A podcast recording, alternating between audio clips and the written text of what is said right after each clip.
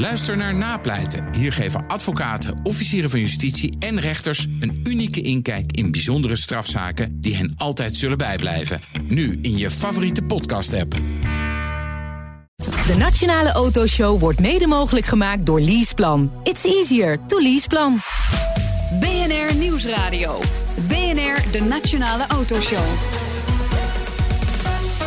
Meindert en Wouter. Op de kop af nog één jaar en dan moet het uh, noodoproepsysteem e-call, lang woord zeg. Ja, Scrabble. Maar er moet wel in elke auto gaan zitten. Ja, en dan kan je het dus ook officieel gaan gebruiken bij uh, Scrabble. IBM ontwikkelt die techniek en een Nederlander is daar verantwoordelijk voor het project. Ja, dan zijn we heel druk bezig met een batterijtje. Maar ja. dat komt helemaal goed. We zorgen ja. straks voor... Als ik dat al zie, denk ik, nou, ja. nou, nou, dat wordt echt een succes. Gelukkig hoeft het pas over een jaar erin te zitten. Dat komt helemaal goed. Welkom een uur lang alles over auto's en mobiliteit hier op BNR. Meepraten doe je via Twitter. Hey. Ja, het BNR Autoshow. Kijk, daar zijn de batterijen inmiddels uh, geleverd. Hij doet het alweer. En straks in deel 2 gaan we het hebben over... Technologie Klassica. Ja. Hè? Grootste oldtimerbeurs van het jaar. De spaarrente daalt. Straks daalt. moet je betalen voor spaarrente. spaarrente. Dus ja. koop gewoon lekker auto's, jongens. Ja, want die worden alleen maar meer waard. Ja, dat is niet helemaal waar volgens mij. Maar dat in het uh, tweede half uur. Goed, we gaan nu beginnen met e-call. Nog één jaar en dan is het uh, noodoproepsysteem verplicht in iedere nieuwe auto. We praten erover met Erik Mark Huytema. Is Global Travel and Transportation Leader bij technologieconcern IBM. Welkom, leuk dat je er bent. Dankjewel. Even lekker het zweet uh, van je voorhoofd af van de batterij. Maar het gaat helemaal goed komen. Hij doet het. Hij doet het. Kijk, het lampje brandt. Ik zie het. We gaan er straks een demonstratie van geven. E-call, het idee hè, van e-call bestaat al tien jaar. Maar de introductie die werd steeds uitgesteld. Waarom, waarom duurt het zo lang? Er zijn twee redenen voor. Ten eerste moest het natuurlijk allemaal heel goed en heel zeker. En Europese molens draaien langzaam. Maar er waren ook een aantal privé-initiatieven. Uh, automobielbedrijven wilden eigenlijk zelf ook een soort e-call op de markt kunnen brengen. En die hebben er eigenlijk voor gezorgd dat het iets vertraagd is. Het had wat ons betreft vijf jaar geleden kunnen worden ingevoerd. Een aantal uh, automobielfabrikanten wilden hun alternatief tegelijkertijd op de markt brengen. En hun lobbymensen hebben er eigenlijk wel voor gezorgd dat dat uh, toch wat later ging. Okay. Wat laat, vijf jaar later. Ja. Wat misschien wel goed is, even voor onze luisteraars. E-call, noodoproepsysteem. Uh, wat is het eigenlijk? Ja, eigenlijk is het een klein kastje in je auto. Ja, het is nu zo groot. Het is doorontwikkeld. Ik denk zo groot als een, als een euro. Dat zit ergens in je dashboard of achter je dashboard. En dat systeem dat gaat op het moment dat jij een crash hebt. Dus op het moment dat er airbags uitgaan of uh, uh, sensoren uh, detecteren dat je auto crasht, gaat dat systeem eerst kijken of er een wat het sterkste mobiele netwerk is bij jou in de buurt. En gaat meteen de 112 call doen. Uh, gaan ook, gaat ook op een speciaal nummer of een speciale vlag zit er op die dataset die dan wordt overgestuurd. Geef dan allerlei gegevens over jouw auto op dat moment. De positie, heel belangrijk. De positie ook van de auto. Dus ligt hij op zijn kop of niet. Okay. Ja. En daarnaast uh, natuurlijk of hoeveel mensen er in die auto zitten. En waar gaat die informatie naartoe?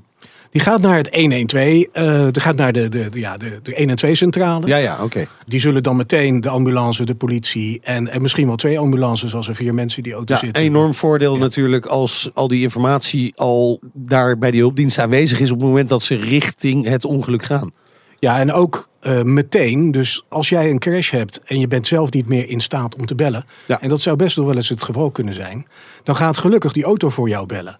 En dat, uh, dat leidt tot een 50% verkorting van de aanrijdtijd. En dat eerste uur van die crash, of het eerste uur na jouw ongeluk, is natuurlijk heel belangrijk. Dat redt levens. Ja. ja. En uh, ja, daar is het eigenlijk voor ontwikkeld. Nou, als je al Ja. weet dat de aanrijdtijd eh, 50% verminderd wordt, dan kun je ook uitrekenen hoeveel levens dit zou kunnen redden. Dat hebben jullie vast wel berekend. Nou ja, de Europese Unie heeft dat berekend. En in Europa per jaar 2.500, dus dat is best veel, 2.500 mensen die dus niet overlijden door e-call. Ja. Ja. en dan is het vijf jaar later geïntroduceerd dan het eigenlijk zou kunnen. Ja, en dat vind ik echt uh, jammer. Maar goed, dat, uh, Ja. het is niet anders. Nee, maar dat is wel vreselijk. Ja. Als je die berekening gaat maken, dan, uh, dan wordt dat wel heel naar. Ja. Maar volgend jaar is het zover dus. Ja, En 1 maar- april.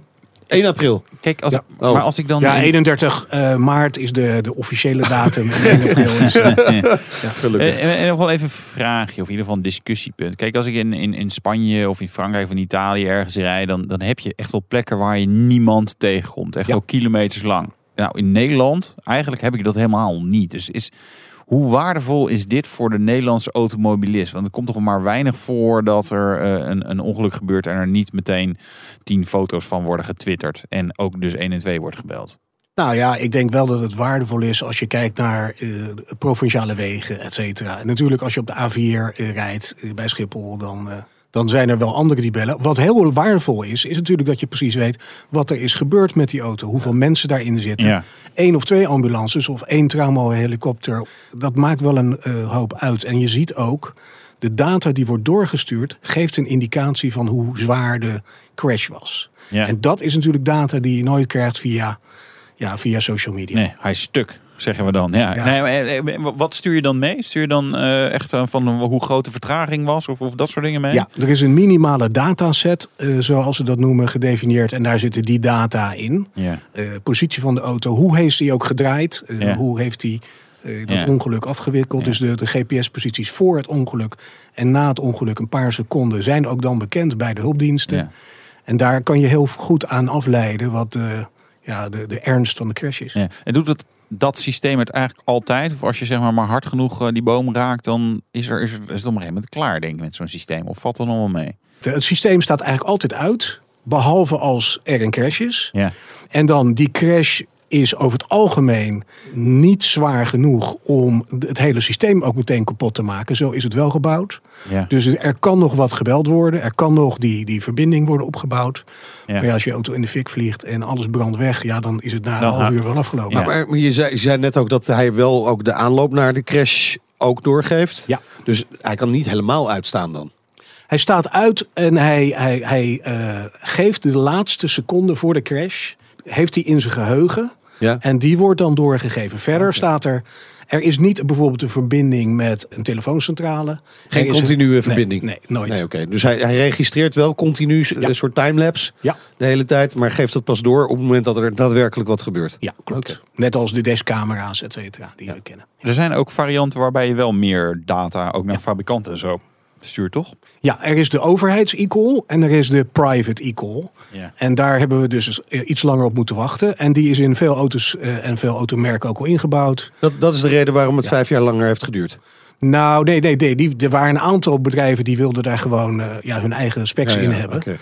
De bedrijven die dus nu al, eh, als je de, de aanmerken zou ik bijna zeggen, hebben allemaal al een privé e-call in hun systeem. Ja. En dat wordt gebruikt voor ja, connected car. Eh, BMW heeft connected drive. Nou, er zijn vele, Ja, vele heb varianten. je ook van andere merken. OnStar van, van. General Motors, eh, Honda, Toyota. Nou ja, bijna alle merken ondersteunen we met onze eh, Internet of Things oplossing om die connected car mogelijkheid te maken. En als je inter, eh, connected car mogelijk maakt, kan je natuurlijk ook e-call mogelijk maken. Ja. Maar die is permanent in verbinding met de back-office. Oké, dat is het grote verschil met de overheids-e-call, die gewoon dus echt alleen maar informatie doorgeeft op het moment dat je een crash maakt. Ja. En die e-call plus, zullen we maar even zeggen, Ja. die staat continu in verbinding met de fabrikant. Ja, in Amerika noemen ze het ook 991 Plus of 911 Plus. Eh, en dus je zou het eigenlijk e-call plus kunnen noemen, of Ja. de privé e-call. Ja, Ja. Maar, maar sommige mensen zullen ook wel kunnen zeggen dat het misschien equal min is, omdat je continu data aan het doorgeven bent aan een fabrikant. Ja, Ja, maar dan kom je je bij de garage wil ja, maar je bent ja. ook wel heel hard op. Nou, ik had het van. Ik U rijdt te langzaam, meneer Karsen. Nee, Is niet nou, goed voor deze auto. Ik vanmiddag nog, serieus. ik eh, leverde in Leusden bij, eh, bij, de, de, de, de- bij Porsche een auto in. Zeiden, ja, ja, boven een bepaalde snelheid krijgen we een melding. Zo, nou, die heb je gisteren dan wel gehad. Ja, dat was inderdaad Heb je zo. de 300 gehaald? Ja. Ja? Ja. Ja. Ja? Ja. In Duitsland. Ja, ja, deze was in Duitsland. Ja, ik heb laatst ook. Nou ja, laat maar. Ja, dit is al Eh, de tweede 300 dit jaar. Ja, ja, ik dacht, ja, we, we hadden een paar weken geleden dat ik zei dat ja, ik heb eigenlijk nog helemaal niet 300 gereden dit jaar. Dus ik heb dat nu in twee verschillende auto's wel voor elkaar Je gereden. bent flink gas aan het geven dit jaar. Ik moet, Ik- ja. echt, ik moet echt even inhalen. Ja, eh, slag jij ging met de Hyundai i30 eh, rijden? Ja. Zat daar on-call in al? Nee, Nee? nee, nee, nee. want nee, nee, nee, ik zit over er een jaar moet in. het er zijn. Is dat dan alle auto's die dan op de markt komen of gewoon alle auto's? Dan is het alle auto's die dan op de markt komen. Oké, dus dan duurt het nog best lang Ja. voordat ze het allemaal hebben. Ja. Want bijvoorbeeld een Fiat 500, kwam ik toevallig achter, die is gewoon al tien jaar op de markt. En ook pas recent cruise control gekregen. Dus ik denk dat ze met e-call ook nog wel even bezig zijn. Dus dan, dat, dat kan nog heel lang duren dan. Ja, dat klopt. Het is eigenlijk net eh, als de, ja, de veiligheidsgordel lang, lange tijd geleden, of ABS en airbags. is dat door, ja, wordt dat geleidelijk ingebracht Ja. op, op basis van de keuring. Eh, moet dus op 1 april volgend jaar dat in de auto zitten voor alle nieuwe auto's. Ja. En eh, ja, nu is dat officieel nog niet verplicht, maar gelukkig zijn er natuurlijk wel een aantal merken die het al hebben. Ja, dat is waar. Gaat de Euro NCAP eh, dat bijvoorbeeld ook eh, mee testen? Ik bedoel, die, die, registreren alleen maar van ja, het zit erin, dus je krijgt een sterretje meer eh, tijdens de crashtest? Of, eh, of nog niet? In die sterren eh, zit nu tegenwoordig, als je kijkt naar de nieuwe eh, oplossingen, zit ook een mogelijkheid om te kijken naar wat zijn de in-car systemen. Dus het is niet alleen maar de, ja, de bumpers en eh, et cetera, maar ook in-car, de software. Hoe is die en hoe veilig maakt die de auto? En zometeen krijgen we een heuse e-call demonstratie hier in de studio. We hebben echt een auto de studio ingekregen. En we gaan een crash maken in de studio, Wouter. En we gaan het natuurlijk ook heel even hebben over... Ja, petrolhead gehalte. Is Ja. dat wel een beetje goed? ja, en privacy met al die data. Oh, dat ook En hacks Oh, en zo. Ja, Nou, gevaarlijk. BNR Nieuwsradio. BNR, de Nationale Autoshow. Zo dadelijk meer eh, met onze gast natuurlijk. Maar eerst is het tijd voor het nieuwsoverzicht van deze week. Wouter, opvallend, import van jonge occasions blijft maar toenemen. Is het opvallend? Eh, Eigenlijk niet. nee, precies. Hey, weet je, nieuwe auto's zijn ontzettend duur in Nederland. En dat komt eigenlijk alleen maar door de belasting. Dus ja, je ziet gewoon dat mensen alternatieven gaan zoeken. En het alternatief is, nou ja, een occasie met de kop eraf. En de grappige de instroom is natuurlijk ook niet lekker. Hè? Want al die leaseauto's, allemaal diesels, allemaal van die spaardiesels of plug-in hybrides... waar mensen helemaal geen zin in hebben om privé in te rijden. Want wegenbelasting op diesels bijvoorbeeld ook weer omhoog gegaan. Dus ja, weet je, die gaan allemaal naar het buitenland. En we halen lekkere, dikke benzinemotoren. Die halen we weer naar binnen. Dus het werkt echt fantastisch, dat belastingssysteem. Ja, dat was open deur 1 die we hebben ingetrapt. Gaan we naar open deur 2 van deze week. En je had het al even over. De verkoop van plug-in hybrides totaal ingestort. Dat is, die is wel, eh, wel, wel helemaal eh, klaar. En dan met name natuurlijk de, de auto's die werden gekocht omdat ze eh ja, bijtellingsvoordeel hadden. Dus Outlander, Mercedes C350e, E, de V60 eh, Twin Engine moet ik tegenwoordig zeggen. Geen plug-in hybride meer. Ja, dat is allemaal gewoon, er worden echt nog drie van verkocht of zo. Dat volgens mij gewoon omdat het fout gaat met de registratie. Die, ja, die mensen willen dat gewoon niet meer omdat je geen voordeel hebt. Dus daar nog een paar nadeel van, want die auto's zijn in principe duurder dan een normale diesel- of benzineversie. Dan toch maar eh, volledig elektrisch, Wouter. We hebben de eerste echte foto van de Tesla Model 3 interieur gezien. Jawel. Heel minimalistisch. Less is more. Heel groot scherm in het midden. Wat natuurlijk wel gaaf is, maar dat had de Model S ook al. Ik zag echt gewoon geen knoppen in het eh, interieur. En ik denk niet dat dat heel fijn gaat werken. Vol- volgens mij, sommige knoppen zijn gewoon verplicht om te hebben, toch? Ik dacht in ieder geval de eh, alarmlichten. En verder heb ik geen idee. Weet jij het wel? Ik had ook die van de alarmlichten. Dus, eh, maar goed, wat ik, wat ik ook las is dat mogelijk wel heel veel dingen uit die Model 3 gesloopt zijn voor de eerste modellen. Zodat ze die productie wat makkelijker kunnen opschroeven. Die angst heb ik ook wel een beetje. Elon Musk heeft wel heel erg veel haast met de Model 3 op de markt brengen. Snap ik. Maar weet je, auto's hebben gewoon wel een zekere ontwikkeltijd nodig. En je zag het ook al Model S en Model X. Weet je, die eerste zeg maar, bouwjaar ook niet heel erg fantastisch. En die Model 3 heeft hij nog meer haast. We moeten het even afwachten, maar ik vrees het ergste. Gaan wij lekker naar ons eh, Formule 1 eh, nieuwtjes van deze week. Audi stapt mogelijk toch in de Formule 1. Ik kan het me bijna niet voorstellen, maar ze schijnen, eh, al dan niet eh, als eh, Lamborghini, toch naar een bijeenkomst te gaan waar de toekomst van Formule 1 motoren besproken wordt. Vanwege Dieselgate lijkt mij het heel raar dat ze doen. Aan de andere kant is het misschien juist wel goed dat ze zeggen, goh, we zijn er nog, we gaan gewoon dingen laten zien. Maar het is in ieder geval, tonen ze interesse en of er verder iets uitkomt, ja, dat is even afwachten. Max Verstappen moet het ondertussen nog met die Renault-motor doen natuurlijk. Kunnen we nou verwachten dat er een beetje verbetering aan zit te komen? Ja, maar niet op korte termijn. nee, Grand Prix van Spanje, half mei. Dan komt er in ieder geval een update. Ja, dat is dus over anderhalve maand pas. En in Canada, een maand later, moet de motor nog een stap kunnen maken. Eh, om dan te kunnen concurreren met Ferrari en Mercedes. Dat denkt in ieder geval Red Bull Racing. Ja, en dan maar ondertussen gaan Ferrari en Mercedes natuurlijk ook zelf door. Dus het is ja, een lastige. Ja, en als het aan Max ligt, dan keert de, de V10-motor gewoon terug in de Formule 1. Hè? Dat is wel mooi.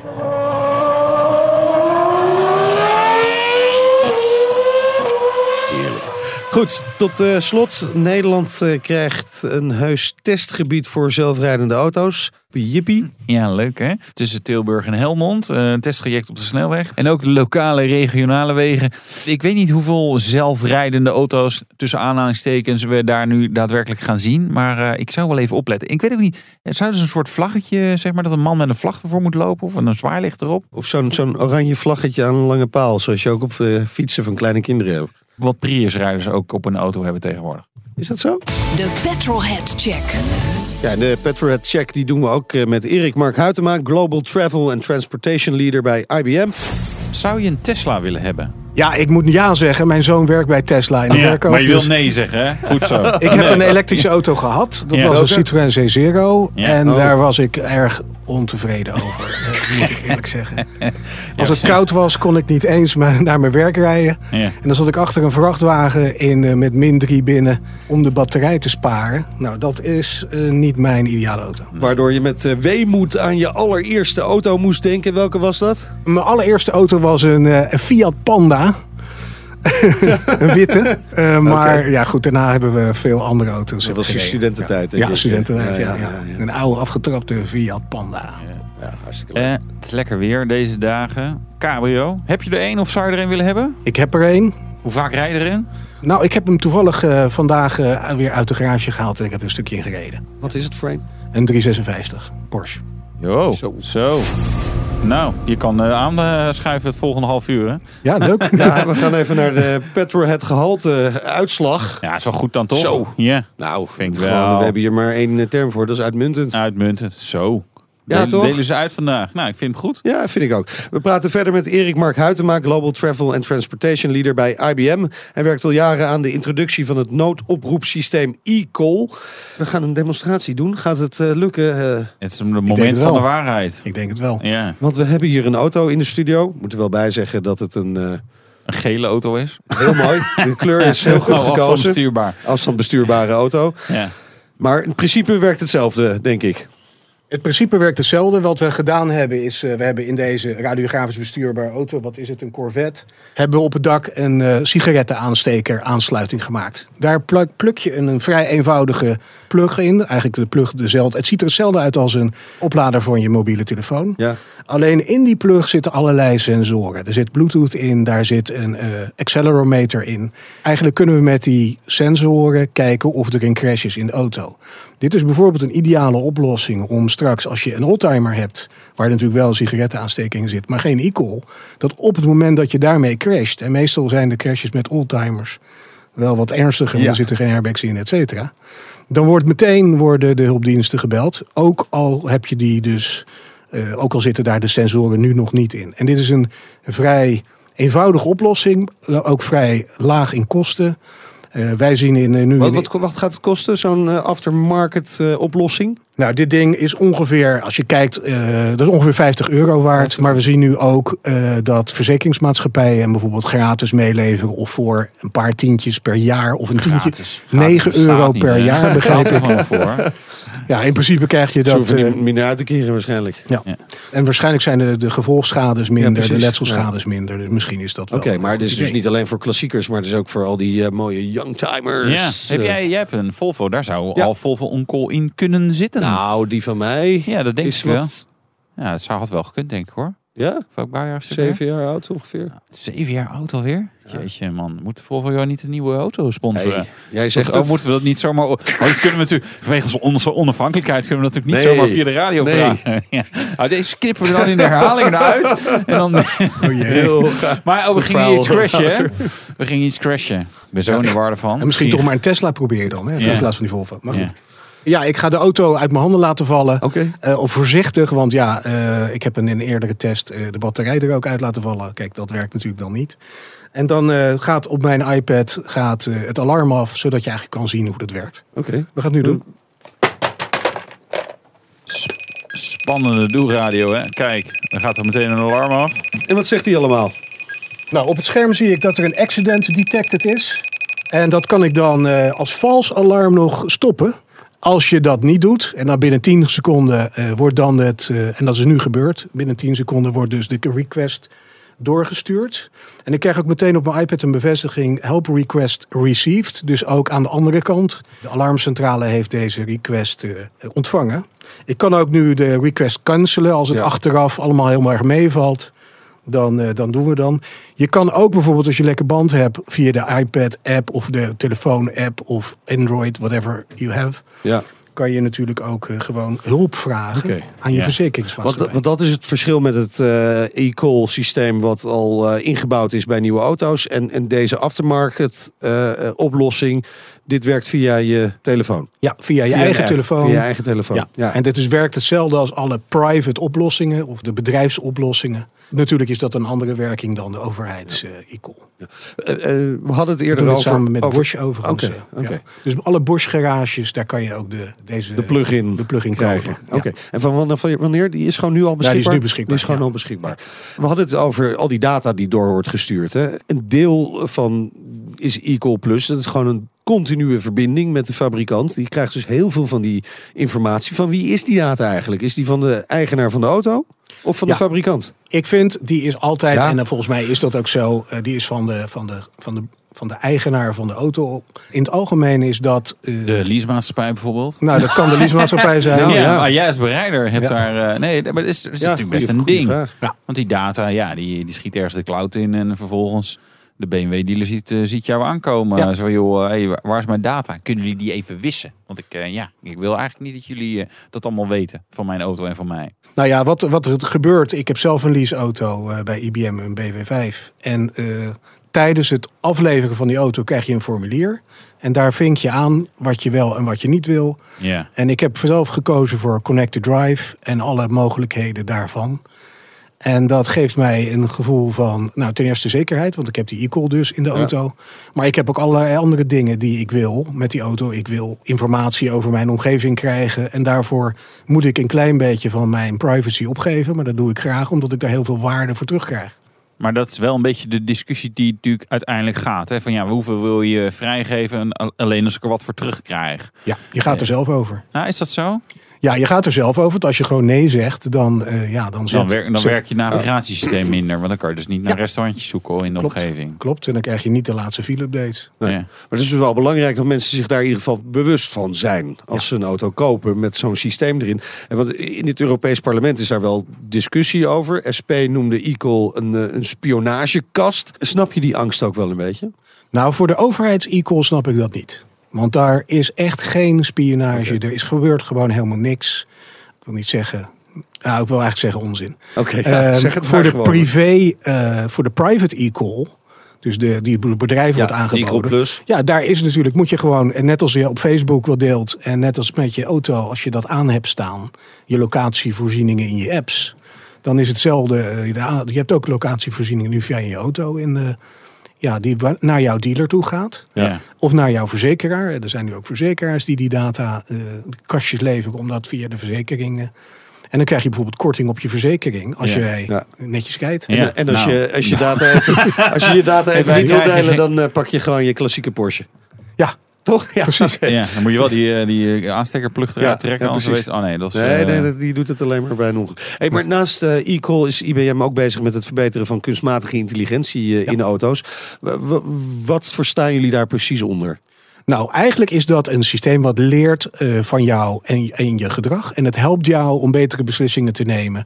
Eh, en het, het is zelfs zo klantvriendelijk dat op het moment dat jij in je auto stapt en je hebt dat systeem, eh, dat systeem leert jouw gedrag. En die weet dat je van BNR naar, naar huis rijdt. Dan gaat hij eh, eh, automatisch jou adviseren over de juiste routes. Ja. Ook als je afwijkt van je, van je standaardroute. Om bijvoorbeeld even, weet ik veel, je wil naar de gym. Of je wil, naar, eh, je wil een kopje koffie halen. Dat zijn leukere, dat zijn sappere voorbeelden te verzinnen. ja. Stel, je krijgt je, je late night televisieprogramma en je rijdt niet naar huis, maar naar iemand anders. Weet je? Dat, Ja, de snackbar. wat, Nee, maar eh, dan, dan, dan, krijgt, dan, dan ziet dat systeem dat hij zegt Dat van nou, je- automatisch een berichtje naar je vrouw stuurt van... joh, ik ben wat later. Dat, Oh.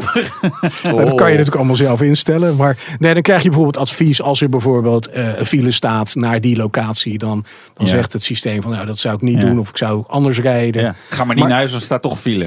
Precies, nou ja, ga, pak, ga lekker bij eh, het nou, hier op de hoek zitten. Ja. Ja. Maar dat, en dat is vooral rondom het navigatiesysteem. Of is het ook Nee. rondom... Oh, nee. Oké, nou, leg uit. Nou, het gaat Heel nog één breed. minuut, mag Eh, ik dat even erbij zeggen? Ja. in één minuut. Nee, het gaat heel erg. eh, gaat heel, eh, het, het zelf leren van de auto is eigenlijk jou ondersteunen met automatisch bijvoorbeeld de temperatuur op de juiste eh, hoogte te zetten. Ja. Eh, het ontwijken van eh, gevaarlijke situaties. En in de toekomst, we zijn nu met, we hebben een aantal BMW i8's in München op, mijn, op het hoofdkantoor waar ik werk, Ja. hebben we staan. En daar zie je allerlei nieuwe diensten ontstaan. Samen met BMW ontwikkelen dat. Ja. Ehm, en dat zijn diensten die jou betere informatie over het weer, betere informatie over situaties op de weg. Eh, eh, bijvoorbeeld met Porsche, bijvoorbeeld een aquaplaning sensor.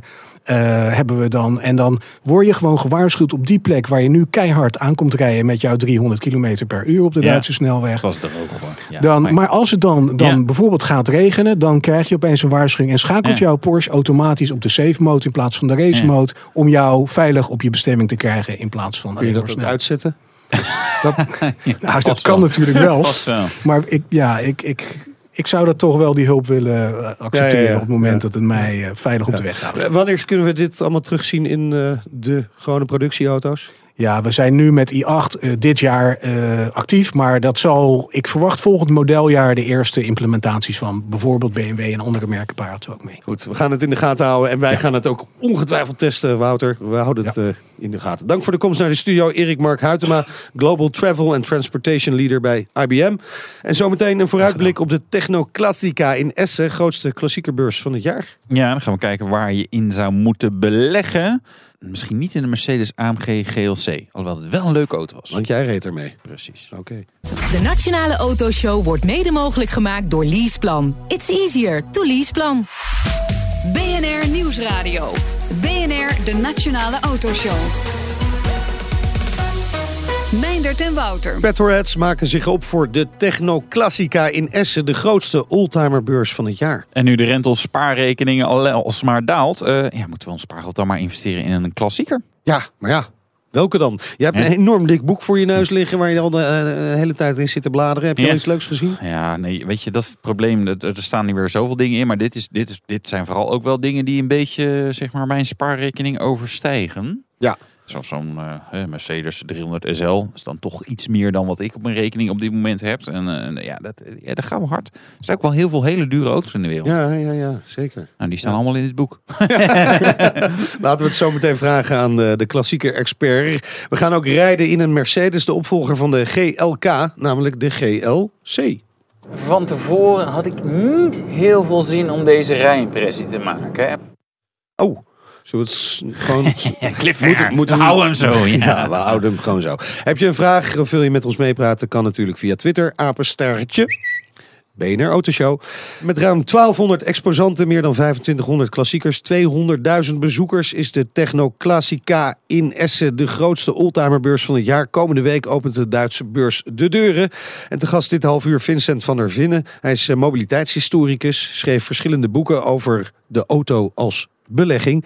Welkom, leuk dat je er bent. Dankjewel. Ehm, jij struint verschillende klassiekerbeurzen af in Europa. Waarom zou iemand die van klassieke auto's houdt naar de Techno Classica echt moeten? Het is een enorme beurs. Het is, eh, het is gewoon leuk. Een leuk dagje uit. Ik bedoel, als je liefhebber bent, dan eh, heb je een heleboel auto's om te, om, te, om te bekijken. Dus het is sowieso leuk. Gewoon Eh, leuk, ja. En als je een gevulde portemonnee hebt, ehm, kan het ook leuk zijn. Ehm, maar ik zal altijd zeggen van, weet wat je koopt. Dat is Ja. altijd van belang. maar ja, dat is, dat is Ja. nou de kunst natuurlijk. Weten wat je koopt. Ja, kijk, als op het moment dat je, dat je een bepaalde interesse hebt en je gaat erheen en je ziet net de auto die je graag wilt hebben, dan kan het natuurlijk een hele mooie gelegenheid zijn. Ja. Ga je op de Bonnefoy die kant op en zegt van jongens, wat vind ik leuk om nou te kopen als van spreken van als belegging omdat spaargeld eh, weinig oplevert, dan zou ik zeggen van doe dat niet. Want dan loop je, laten we zeggen, duizend auto's tegen het lijf en je zegt van jongen, oké, welke, welke pak ik? Die heeft een leuke kleur of dat is een leuke merk en laat ik die maar nemen, want dat is vast een goede belegging. Ja. Maar zo werkt het niet. Nee. Nee. Het is wel heerlijk als je zo auto's kan Nou. kopen, maar dat moet je dan niet met die laatste 50.000 euro spaargeld doen. Nee. Nee. Nee. En over het Nee. algemeen ligt het prijsniveau ook wel wat hoger. Ja, is het, eh, 50. wat ja waar, voor welk bedrag kan je wel een beetje shoppen op de Techno Classica? Op zich kun je wel in allerlei prijsklassen eh, shoppen. Ja. Ik bedoel maar van, eh, ja, ik denk wel van eh, 20, 30, 40 tot eh, eh, een miljoen of hoger. Iedere portemonnee is er, een- is er wel een auto. Het was de afgelopen jaren natuurlijk een walhalla. Want eh, nou ja, als je vorig jaar op Techniek Klassica was geweest en je kwam dan het jaar erop, dan waren alle prijzen weer eh, verdubbeld of verdrieven. Nou, dat is overdreven, maar in ieder geval gestegen. Voor wie was het dan het Valhalla? Ja, nou ja, als jij... De verkoper. eh, ja, de verkoper of Ja, de, de precies. bezitter al van die De auto. Ja. Ja, ja, want als je hem 10, jaar, 10, 15 jaar geleden je Ferrari had gekocht en je verkocht hem twee jaar terug, dan was je spekkoper. Dan Ja. dan was die auto ongeveer vertienvoudigd. En, maar, en als je twee jaar geleden iets hebt gekocht en je wil het nu verkopen, eh, gaat het dan nog steeds Een beetje goed? stabiel. Maar je, wat, Stabiel. Ja, wat je wel altijd mee moet rekenen is, stel hè, ik maak wel eens die rekensom. Stel je koopt de auto van een ton. Bij een handelaar of op een veiling. Dan zit er gewoon een marge, wordt er in, die, zit, die zit daarbij in Ja. je, dat je betaalt. Dus de verkoper heeft dan, laten zeggen, 80.000 in de, in de hand gekregen. Ja. Dan ga je uit van, ik noem maar wat, 5% rente of 10% eh, rendement op jaarbasis. Dan zit hij dus na twee jaar zit hij op pakweg 120. Maar als je dan wilt verkopen, ook weer via dat veilinghuis Ja, of die dan handelaar, moet er ook weer een dan moet die marge marge er vanaf. Dus als je dan weer verkoopt en hij wordt verkocht voor 120, dan heb je zelf weer 100.000 in de hand. Dat is hetzelfde bedrag wat je twee jaar geleden hebt uitgegeven. Ja, nou, dat is ongeveer de spaarrente ook dan. Nou, of, dat komt er wel Ja, overheen. Dus heb je twee jaar lol gehad, maar je hebt geen rendement. Nee. Je dus, hebt- du- dus je moet in ieder geval meer dan twee jaar eh, op die auto blijven zitten. Nou, het hangt er vanaf. Kijk, het, het- als je geluk hebt, heb je auto's die verdubbelen in een jaar. ja, ja, ja, dat, precies. dat kan ook. Ja, Maar nou, weet ja. wat je koopt. Weet wat je koopt. Maar Ja, daar en- gaan we een poging toe wagen in ieder geval tijdens deze Ja, ja, uitzending om daarachter te en- komen. wat zie jij nu gebeuren? Want je zegt het, het, het is stabiel, de prijzen. Is dat overal zo? Eh, Want ik, Ja, ik heb ja. het idee dat die topstukken nog steeds, eh, hoe gekker, hoe beter. Nee, grosso modo kun je wel zeggen dat, eh laten we zeggen, tussen 2013 en 2015 zijn veel prijzen bijna verdubbeld.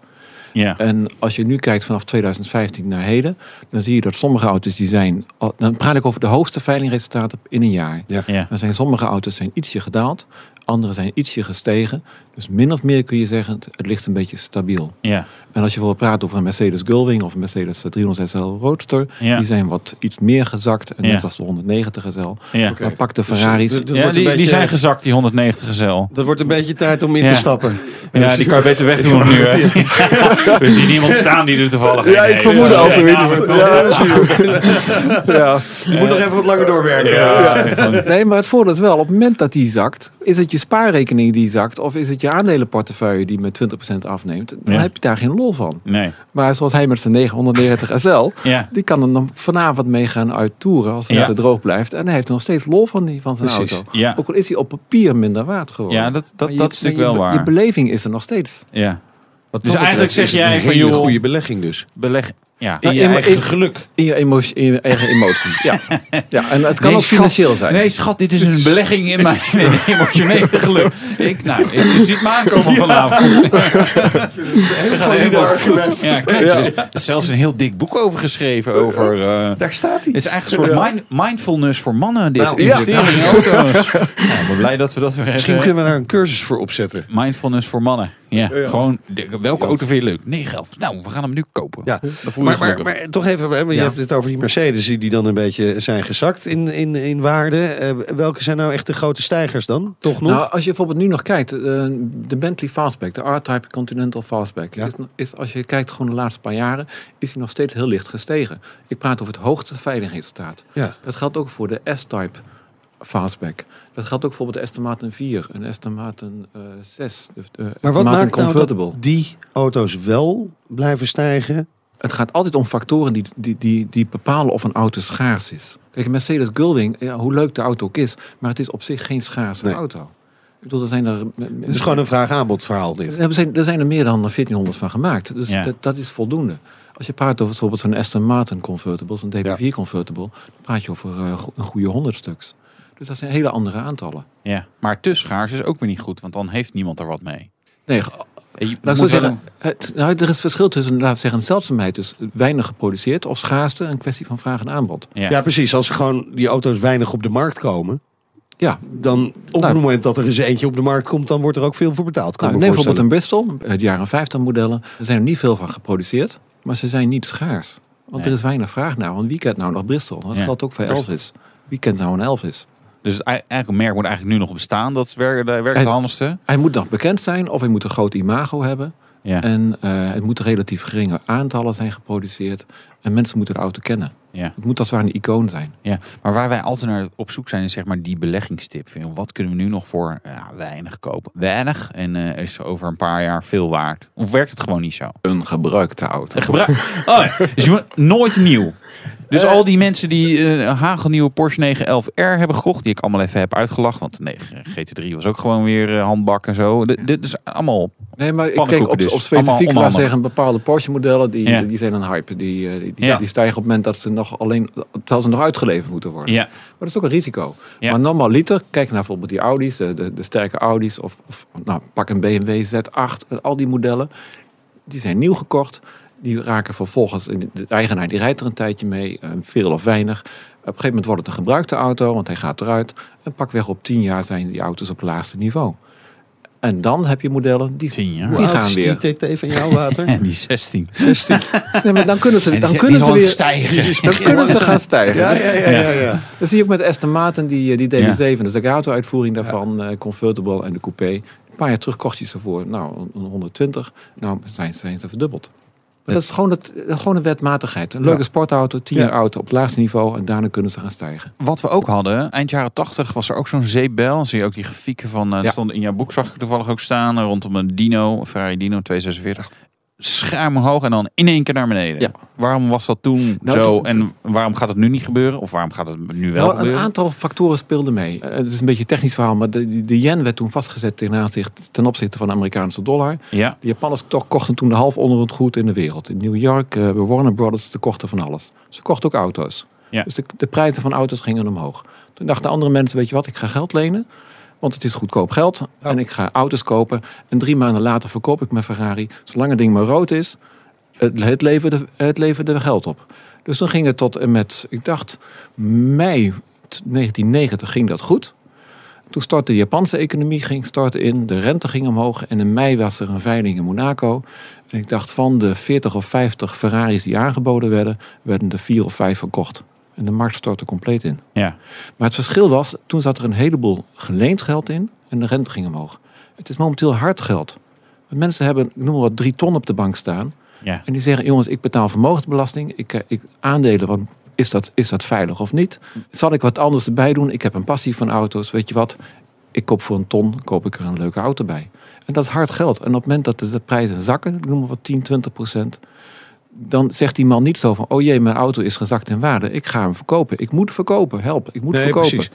Dan hou je hem gewoon. Nee, want als je geleend geld hebt, dan moet het wel. Want is je onderpand minder Ja, waard en dan zul je Dus, moeten. dus kortom, jij verwacht diezelfde luchtbel niet op dit Nee, moment. want- Want, nee, die want- is er niet. Nee, want ook als je nu kijkt naar de veilingen, ehm, een aantal veilingen vanaf 2015 zie je op een heel aantal modellen dat de prijzen wat gezakt zijn.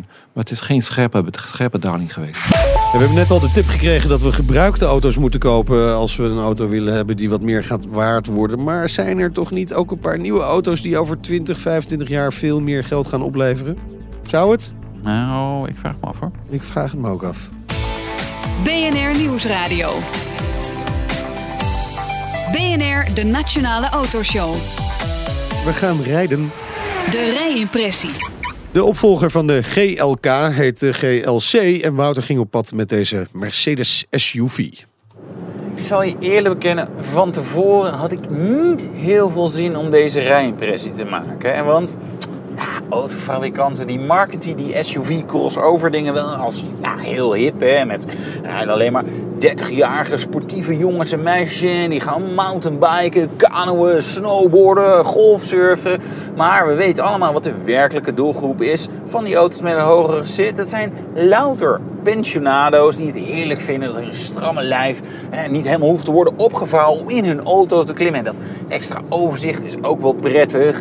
Nou, dan is er nog een kleine groep andere kopers van deze auto. En dat zijn huismoeders die denken dat een tweejarige enorm veel ruimte nodig heeft. Heeft hij niet. Of dat de halve huisraad mee moet mocht ze een keer op pad gaan met die kleine tweejarige. Nou, dat is dus ook niet nodig. Maar die komen dus ook bij een SUV crossover ding uit.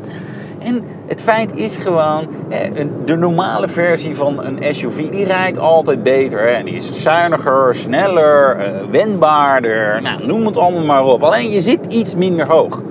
Dat is het enige verschil. En verder is het ja, eigenlijk alleen maar slechter. Dus ik had gewoon niet zo'n zin in deze rijimpressie. En dan kun je zeggen, hé hey Wout, je gaat met een AMG op pad. Ja, maar dit is niet de echte AMG. Hè? Is niet de V8 AMG. Want net als Audi heeft Mercedes nu bedacht van... nou, het is toch wel handig om ja, wat verschillende treetjes in die performance aanbod te hebben.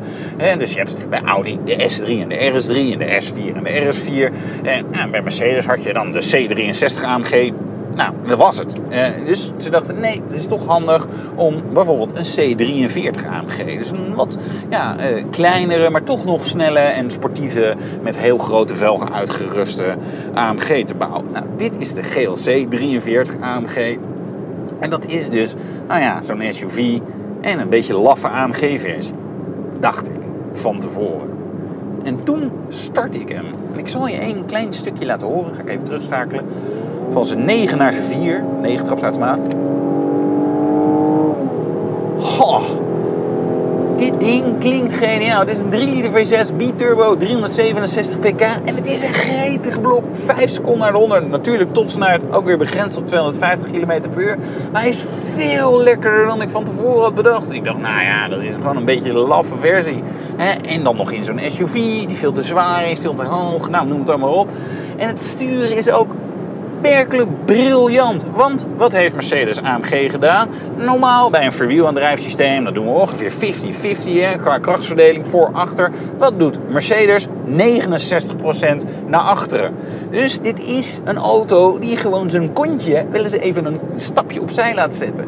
Dus als je net te vroeg op het gas gaat, het ding wat provoceert, dan voel je echt dat, hij, nou ja, dat je die als deze auto dus kunt sturen op het gaspedaal. Nou, kom daar maar eens om bij de normale vierwielaandrijvers bij andere merken. Dat is gewoon bijna nooit zo. Dit is een auto die echt voor de stuurman dus ook heel erg leuk is. Bovendien vind ik er hem stiekem eigenlijk best wel gaaf uitzien. Dus ik heb eigenlijk niet zo heel veel om te zeuren over deze auto. Interieur is briljant. Hij heeft alle veiligheidssystemen die je maar kan wensen. Nou, noem het allemaal. Er is slechts één nadeel. Vanaf prijs voor de GLC 43 AMG is 90.000 euro. Dit exemplaar, nou gaat er ruim overheen. Even uit mijn hoofd, ik geloof iets van 114 of 118.000 euro. Dat is een hoop geld voor een, nou ja, niet al te grote SUV, crossover dinges. Die wel heel leuk is. Dat dan weer wel. Dat dan weer wel. De Mercedes GLC. Ja, toch, toch wel bijzonder. Je had er geen zin in. En dan is het toch wel weer leuk, Wouter. En dat heb jij zo vaak. Hè? Ja, heb ik dat zo Nee, Nou, weet ja. Nee, ja. Eh, nee, maar dit was echt eh, in alle opzichten een hele positieve verrassing. Dus dat brengt ons bij het eindoordeel. Ideale auto. Voor mijn moeder. Oh. Ja, maar dan kom ik wel vaak lenen, man. Ah, nee, het is wel... Ik vind dit soort SUV's is wel wat, wat, wat meer voor de vrouw misschien. Ik vind het heel leuk bij Mercedes-Benz dat ik dit zeg. Want Mercedes is heel erg bezig met de marketing voor vrouwen. Nee, Voor de boodschappen. voor de boodschappen. Ja, vind jij dit zo'n SUV? Vind je dat eh, een XC60 of zo? Dat is wel meer jouw... eh, eigenlijk moet je dan meteen een XC90 als man. Ah, je, hebt- je hebt het over de, de, de, de Albert Heijn boodschappen nu. Nee, gewoon? Weet je, zou jij in een, in een mid-size SUV? Nee. Nee, hè? Nee. Nee. BNR Nieuwsradio. BNR, de Nationale Autoshow. Wij praten ondertussen verder met eh, mobiliteitshistoricus Vincent van der Gevinden. Hij schreef eh, verschillende boeken over de auto als belegging. Porsche 918 Spider, Ferrari La Ferrari, de Bugatti Chiron. En er zijn nog meer hypercars op komst van Mercedes, Aston Martin, McLaren. Om maar eens even een paar te noemen. Wij dachten, dat zijn misschien wel die topstukken van de toekomst. Zou dat kunnen? Theoretisch wel. nee, maar het is, het is heel simpel. Er zit Maar ontzettend ze veel zijn kunst. nu al duur, hè? Ja, maar los daarvan, los van de prijs. Oké. Stel je hebt het ding staan en je wilt af en toe mee rijden en dat ding is 30 jaar oud. Daar zitten een heleboel kunststoffen in die kunnen intern verouderen. Er zitten elektronica in, ik weet niet hoeveel computers. Probeer over 30 jaar die computers eh, een storing te verhelpen. Dan heb je ook nog eens een keer de CO2-problematiek. Ik bedoel, het is Ja, dat is geen problematiek, toch? Nee, maar kijk, nee, maar het gaat Nee, om de discussie. Twintig jaar terug waren wij verbaasd als er een discussie was over Ja. het roken in cafés. En nu Ja. hebben wij een discussie over ehm, roken op je eigen balkon. En Nou hebben we wel wat beginnend wat discussie over, over de CO2-problematiek en auto's. Maar auto's zijn er in feite nog buiten, buiten schot gehouden. Ja, Dus hoe zal er over twintig jaar ge- daarover wel gedacht worden? Dat Ja. kan heel anders zijn. dat, dat is wel waar. Dat is wel Dus- waar. Ja, het is een leuk voorbeeld is ook de, de banden van de Jaguar XJ220. Ze worden nu weer gemaakt, maar er was dus een tijd dat je gewoon geen nieuwe banden voor een Jaguar XJ220 eh kon. En dan heb je toch een leuk probleem. Ja, maar dat is namelijk ook wel een leuke auto. Die kwam in de jaren 90, toen de markt net naar beneden ging. En ze hadden net wat dingen veranderd. Het was geen V12, maar een V6. Dus dat is een hele slechte belegging geweest. Ja, voor degenen die hem toen nieuw gekocht hebben Ja. met het idee van ik koop Ja, hem en ik maar, laat hem maar staan. goed, dit gaat natuurlijk ook voor auto's die eh, nu al een tijdje op de markt zijn. Hè? Eh, Geldt daar hetzelfde probleem voor? Een auto die nu, dus, zeg maar, nou, laten we proberen een auto te vinden die nu bijna 10 jaar oud is. Ja. Ja, R8 hadden we het net over. Audi, Audi R8, bijvoorbeeld. Die zijn nu lekker aan, in de bodem, op de Ja, bodem. Die gaan richting de bodem, ja. Dus dat Dus is een dat goede investering. Ja, als je, die, Potentieel. als je die dus wil kopen, laten we zeggen op de korte termijn, 10, 15 jaar, denk ik dat het een prima auto is. Maar wil je hem hebben op 40, 50 jaar, zoals je nu ook de Ferraris verzamelt, Ja. dan vraag ik me af of dat een auto is die over 40, 50 jaar eh, verzameld zal zijn. Puur om die, om, die, om die punten die ik net even Oké. noemde. ja. En bovendien, als je een oude Ferrari hebt, heb een, heb een Lusso, en je hebt alleen maar een chassisplaatje, dan kun je die complete auto nieuw laten maken. ja. En de buitenstaander ziet het verschil niet. Heb een eh, R8 Ja, dat gaat natuurlijk ook. en probeer dan op een chassisplaatje een R8 opnieuw te bouwen. Is wat ingewikkelder. Dat bedoel ik. Ja. Oké. Maar eh, gebeurt het ook veel? Dat eh, auto's met een chassisplaatje alleen eh, weer opnieuw worden Nou, opgebouwd? ik, ik- ik Want noem het is- even omdat het voorbeeld was van destijds Lord Brockett die dat deed. Ja. Die, die eh, fraudezaak. Die Ja, maar dat zeggen, want dat is niet. Ja, van, ja Maar koop je dan nog een origineel product? Of nee, maar in koop je een- principe kun je dus wel elke auto die dus in, Ja. in, een, in een barrelstaat verkeert, zoals die veiling in Parijs een paar jaar terug, Ja, twee jaar terug op in, eh, van, van Ja. die, dat waren gewoon barrelauto's. En als je, dat kun je restaureren naar gewoon een nieuw staatauto. Je had het eh, eerder ook over eh, klassieke auto's, maar waarvan het merk eigenlijk zo onbekend is geraakt dat er ook geen vraag meer is naar die merken. Nou zijn er ook merken die, die komen weer terug. Hè? Een van de mooie voorbeelden van de afgelopen tijd is Alpine. Ja. Eh, er zijn mensen die een klassieke Alpine hebben. ja, Diezelfde hebben ook een Mercedes SL bijvoorbeeld. ja. Ehm, maar Alpine komt terug. Wat doet dat voor Nou, op die dat oude een- Alpines? Ja, op het moment dat een, een, een Alpine als, als product, dus als nieuw product, zometeen heel bekend is en begeerlijk is en een goede Ja. kwaliteit heeft, dan denk ik dat je zult zien dat de waardering voor de klassieke auto's, en met name dus de, zeggen, die, die A110 modellen, Ja, ja. dat dat weer zal toenemen. Maar tegelijkertijd moet ik ook wel zeggen, Maar dan moet de kwaliteit wel goed zijn. zeg het gaat wel om, om, Ja. om, om het imago wat er omheen hangt. Want in de jaren negentig werden ook prachtige eh, sportieve eh, Japanse auto's op de markt gebracht. Van Honda, van eh, Mitsubishi. Als je die nu wel wilt kopen, nou, dan, dan, dan ben je met 40, 50, 60.000 euro koop je dat soort superauto's. Ja. En die hebben niet die waardering gekregen. Nee. En dat komt gewoon omdat die fabrikanten, zij hebben niet de allure van een sportwagenfabrikant. Ja, Dus het gaat wel om, de, om het imago, het allure wat zo'n fabriek dan heeft of weten, weten op te bouwen. ja. En op het moment dat je nog steeds, laten we zeggen, een consumentenfabrikant bent vanwege je Twingootjes en andere auto's, dan kun je, nee, maar dan kun je nog zo mooi die Alpine op de markt zetten, Ja, maar dan Wordt, krijgt hij niet die, die Maar imago. dat is misschien ook de reden waarom ze een apart merk maken. Ja, heel, heel verstandig. Ja, maar werkt dat echt? Want Alpine, dat is wel een beetje onbekend. Is het te onbekend? Ik denk in de liefhebberskring dat iedereen het wel kent. Ja. Die A110, ja, Ja. Is toch een, eh, een her- heeft een grote herkenbaarheid. Hè? Ja, dat is Het wel is waar. niet, niet zo'n auto die je dan voorbij ziet rijden en zegt... eh, en Wat is, weet- dat, wat is dat nou? Nou, Ja. dat zal wel diegene zeggen die er niks van af weet. Maar als je een iets, beetje, iets van auto's af weet, regenlichting, de vangrail. ja, dan zeg je van, hé, hey, dat is een, dat is een, dat is Ja, een Renault dat is een Alpine. Alpine. Ja, eh, komende week de Techno Classica NS. Is er Ja. nog iets waar je speciaal naar uitkijkt? Nee, op zich niet. Laat me gewoon verrassen. het, zijn, het zijn altijd, laat zeggen, je zit in Duitsland, dus je weet, je kunt veel Mercedes verwachten, je weet, je kunt veel eh, Porsches verwachten. Ehm, ik ben heel benieuwd naar wat er nog meer Ja. staat. En als mensen meer willen weten, kunnen ze natuurlijk altijd jouw boek eh, eh, kopen.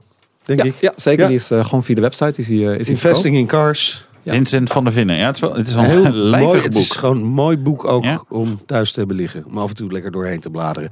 Dankjewel voor je komst naar de studio. Ja. Wouter, volgende week. Ja. Dan zijn we er weer. ja, tot die tijd kun je Facebook en Twitter en Spotify kan je ons luisteren. Podcast, via de app, via de site. Nou, je kan er heel Echt, druk mee zijn om ons een te proberen te volgen. ons blijven te volgen. En of het lukt, tot volgende week. Doei. De Nationale Autoshow wordt mede mogelijk gemaakt door Leaseplan. It's easier to Leaseplan. Ook Thomas van Zeil vind je in de BNR-app. Je kunt live naar mij luisteren in Zaken doen, de BNR-app met breaking news, het laatste zakelijke nieuws en je vindt er alle BNR-podcasts, bijvoorbeeld Het Nieuwe Geld. Download nu de gratis BNR-app en blijf scherp.